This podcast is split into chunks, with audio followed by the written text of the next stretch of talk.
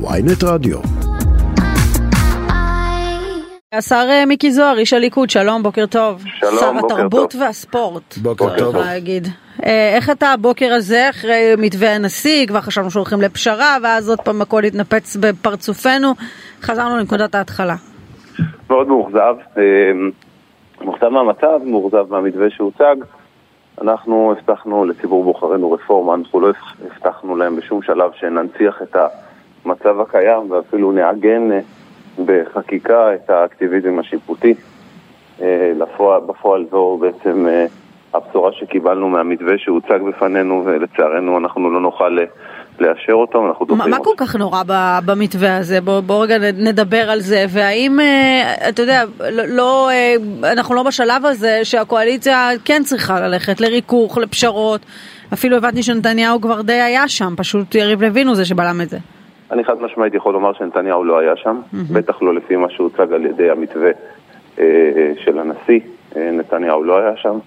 אה, על אף שהוא אינו יכול אה, לעסוק בענייני הרפורמה, הוא חד משמעית אה, את עמדתו הביע, אה, שזה בעיניו מתווה שהוא מנציח את המצב הקיים, בדיוק כפי שאני אה, טענתי.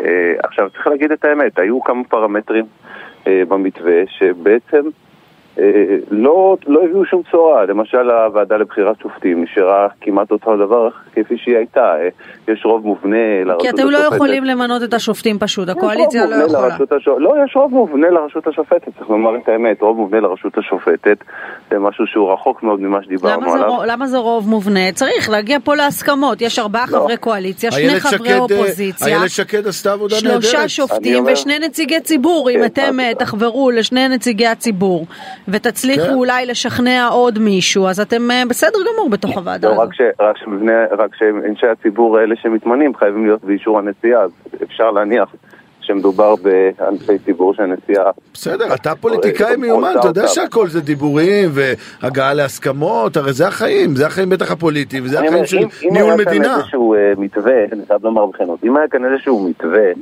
שבסופו של יום אה, מדבר על הגעה להסכמות, אבל אז, אז כמובן שהיינו צריכים לשקול את זה, אבל זה לא המתווה. המתווה שהוצג הוא לא, הוא לא מביא אותנו למצב של יכולת להגיע להסכמות, מה, אלא למצב הנשיא לא קרא אתכם, שיש נכון? לא הבין את- לא- לא הבין-. לא הבין את תמונת המצב? הרי הרצוג הוא- הוא- הוא הוא פוליטיקאי משופשף, הוא היום נשיא, אבל הוא הוא בא מהזירה הפוליטית, יש לו מיומנויות פוליטיות, הוא יודע נכון. טוב מאוד איך לתווך, לכן מה הוא מה הציג קרה את פה? המתווה כפי שהוא הציג, בגלל המיומנות הפוליטית שלו. מה זאת אומרת? מה ששלו שלו. הוא הבין שאת הימין אין לו, אז הוא בחר בעמדת השמאל. אה, ואני אני חושב שאם אם הוא היה מגבש מתווה שמייצג את שני הצדדים, אז יכול להיות מאוד שהיינו נמצאים במצב אחר, והמתווה הזה היה יכול להיות... השר-. זוהר, אני- אני רוצה חייב להגיד משהו ולשאול אותך. אה, יש לי תחושה שאתה, אתה ויש עוד כמה כאלה בתוך הליכוד, שהיית רוצה להתעורר בוקר אחד ולדעת שהאירוע הזה יסתיים, שהאירוע הזה נגמר. ושזה יהיה מאחוריכם, והיית ברור. אפילו מצדך שיהיה, יעשו פשרה, רק, רק שכולם יקבלו לא, והכל לא, יהיה לא, בסדר, לא, לא, כולל לא, לא מתפקדי מחיר, הליכוד. רגע, לא בכל רגע. הש, השאלה, השאלה לגבי המחיר, וזה מה שאני שואל, כשאתה רואה מה שקורה ברחובות, כשאתה רואה לדוגמה בכל סקרים, נכון, במתפקדי הליכוד יש רוב גדול לרפורמה הזאת, ואתם מסתכלים לשם ואני יכול להבין את זה, במצביעי הליכוד הרוב הוא הרבה יותר נמוך, עדיין רוב של 50 משהו אחוז, אבל 25 אחוז אה, בערך בממוצע רוצים, אה, מבקשים מכם לעצור, לא ללכת עם העניין עד הסוף, וזה יכול להשפיע מאוד על הבחירות ועל מעמד הליכוד בבחירות הבאות. השאלה, אם כל הדבר הזה שווה. מיקי זוהר, אתה הרי עושה, היום שר. תרבות, אתה עושה דברים, אף אחד לא שם לב מה אתה עושה, אף אחד לא שם לב מה, מה מישהו מכם עושה. המדינה התהפכה, וזה שווה את זה בשביל ועדת שרים לחקיקה, לבחירת שופטים? ועדה לבחירת. שופטים?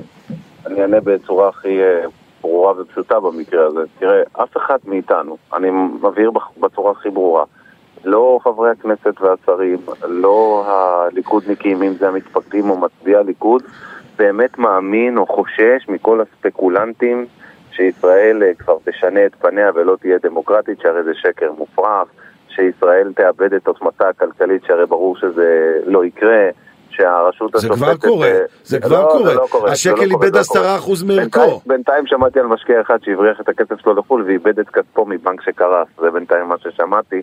כי אין- בסדר, אין זה לא מייצג. כלום, נו, מיקי, לא, כי יודע. אין יציבות כלכלית כמו המ- המדינה שלנו. במדינת ישראל יש יציבות כלכלית אה, הכי גבוהה כמעט בעולם, אם לא הגבוהה בעולם, ואני אומר שגם הספקולנטים בנושא הכלכלה, גם הספקולנטים בנושא סופה של הדמוקרטיה, גם הספקולנטים, הספקולנטים בנושא אה, הרשות השופטת שחושבים שתאבד מכוחה לגמרי, אלו דברים שאנחנו לא חוששים מהם. יש דבר אחד שמטריד אותנו, הוא מטריד את כולם אגב, גם את הליכודניקים ההארדקור וגם את המצביעים מה וכולי. הוא, מה הוא מעניין, מה מטריד? והקרע שנוצר בעם ישראל. אז מה עושים עם זה, השר מיקי זוהר? מה עושים עם ואגב, הדבר גם הזה? אותי, גם אותי. אנחנו רואים את הקרע הזה, ומבחינתנו אנחנו אומרים, אוקיי, מה- זו מטריד זה סיבה- יופי, ומה הלאה? אומר, אני אומר, זו סיבה מספקת לכך שנצטרך לעשות פשרות.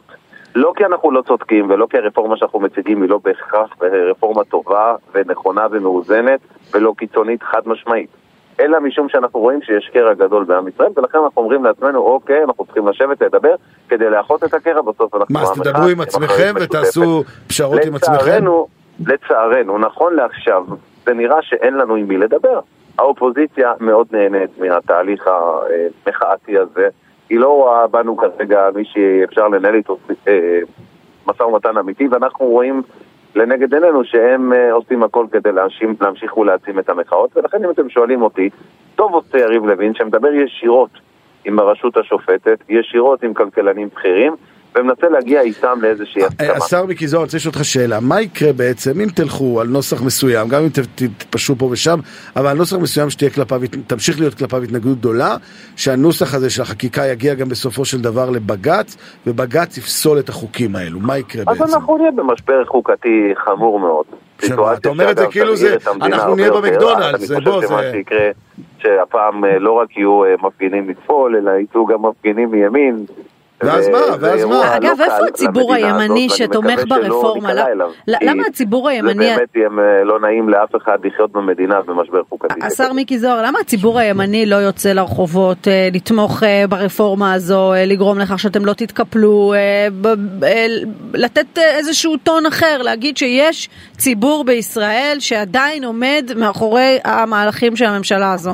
קודם כל צריך להגיד, מה ששל השמאל, של השמאל, הם יודעים זה להפגין. לא שמאל, זה הרבה מעבר לשמאל, תפסיק. לא. אתם עושים את השמאל כאילו הוא כזה גדול וזהו, הוא היה מנצח בבחירות לא, אם הוא היה כזה גדול. השמאל יודע להפגין, הימין יודע לנצח בבחירות. זה בערך- המשוואה שיש היום. במדינת ישראל. אתה יודע שזה לא לא רק השמאל בהפגנות האלה, אתה יודע את זה מיקי. אני, אומר חד משמעית. נכון, יש גם בהפגנות אנשים שהם לא שמאל, הם אנשים שהם גם מרכז, ואפילו חלק מהם ימין, שלמה הם יוצאים להפגנות האלה? כי הם לא מבינים היטב את הרפורמה, כי לא הסברתם טוב. נכון, כשלנו בהסברה, הנה פה אני כאן להודות, כשלנו בהסברה בצורה נחרצת, ואני מקווה שעוד נצליח לתקן מה שעוד אפשר לתקן, ואנשים לפעמים חושבים שהרפורמה הזאת אגב, אני רוצה לתקן אותך, כי אני מקבלת... שקר מופרך, עכשיו, זה עכשיו שקר קיבלתי, מופרך. קיבלתי אס.אם.אס עכשיו ממאזין שמקשיב לך ואמר שאתה אה, טענת שהציבור, אה, אה, שנציגי הציבור ייבחרו על ידי הנשיאה. זה לא נכון, זה יהיה בהסכמה בין הנשיאה לשר המשפטים. לא, אז זה כן מאוזן דווקא. לא אמרתי, אמרתי בהסכמת הנשיאה, אמרתי במפורש. ושר זה המשפטים, ושר לא, אז המשפטים. אם זה בהסכמת הנשיאה, אז אוקיי. ברור שאלה יהיו אנשים שהנשיאה תוכל גם להשפיע.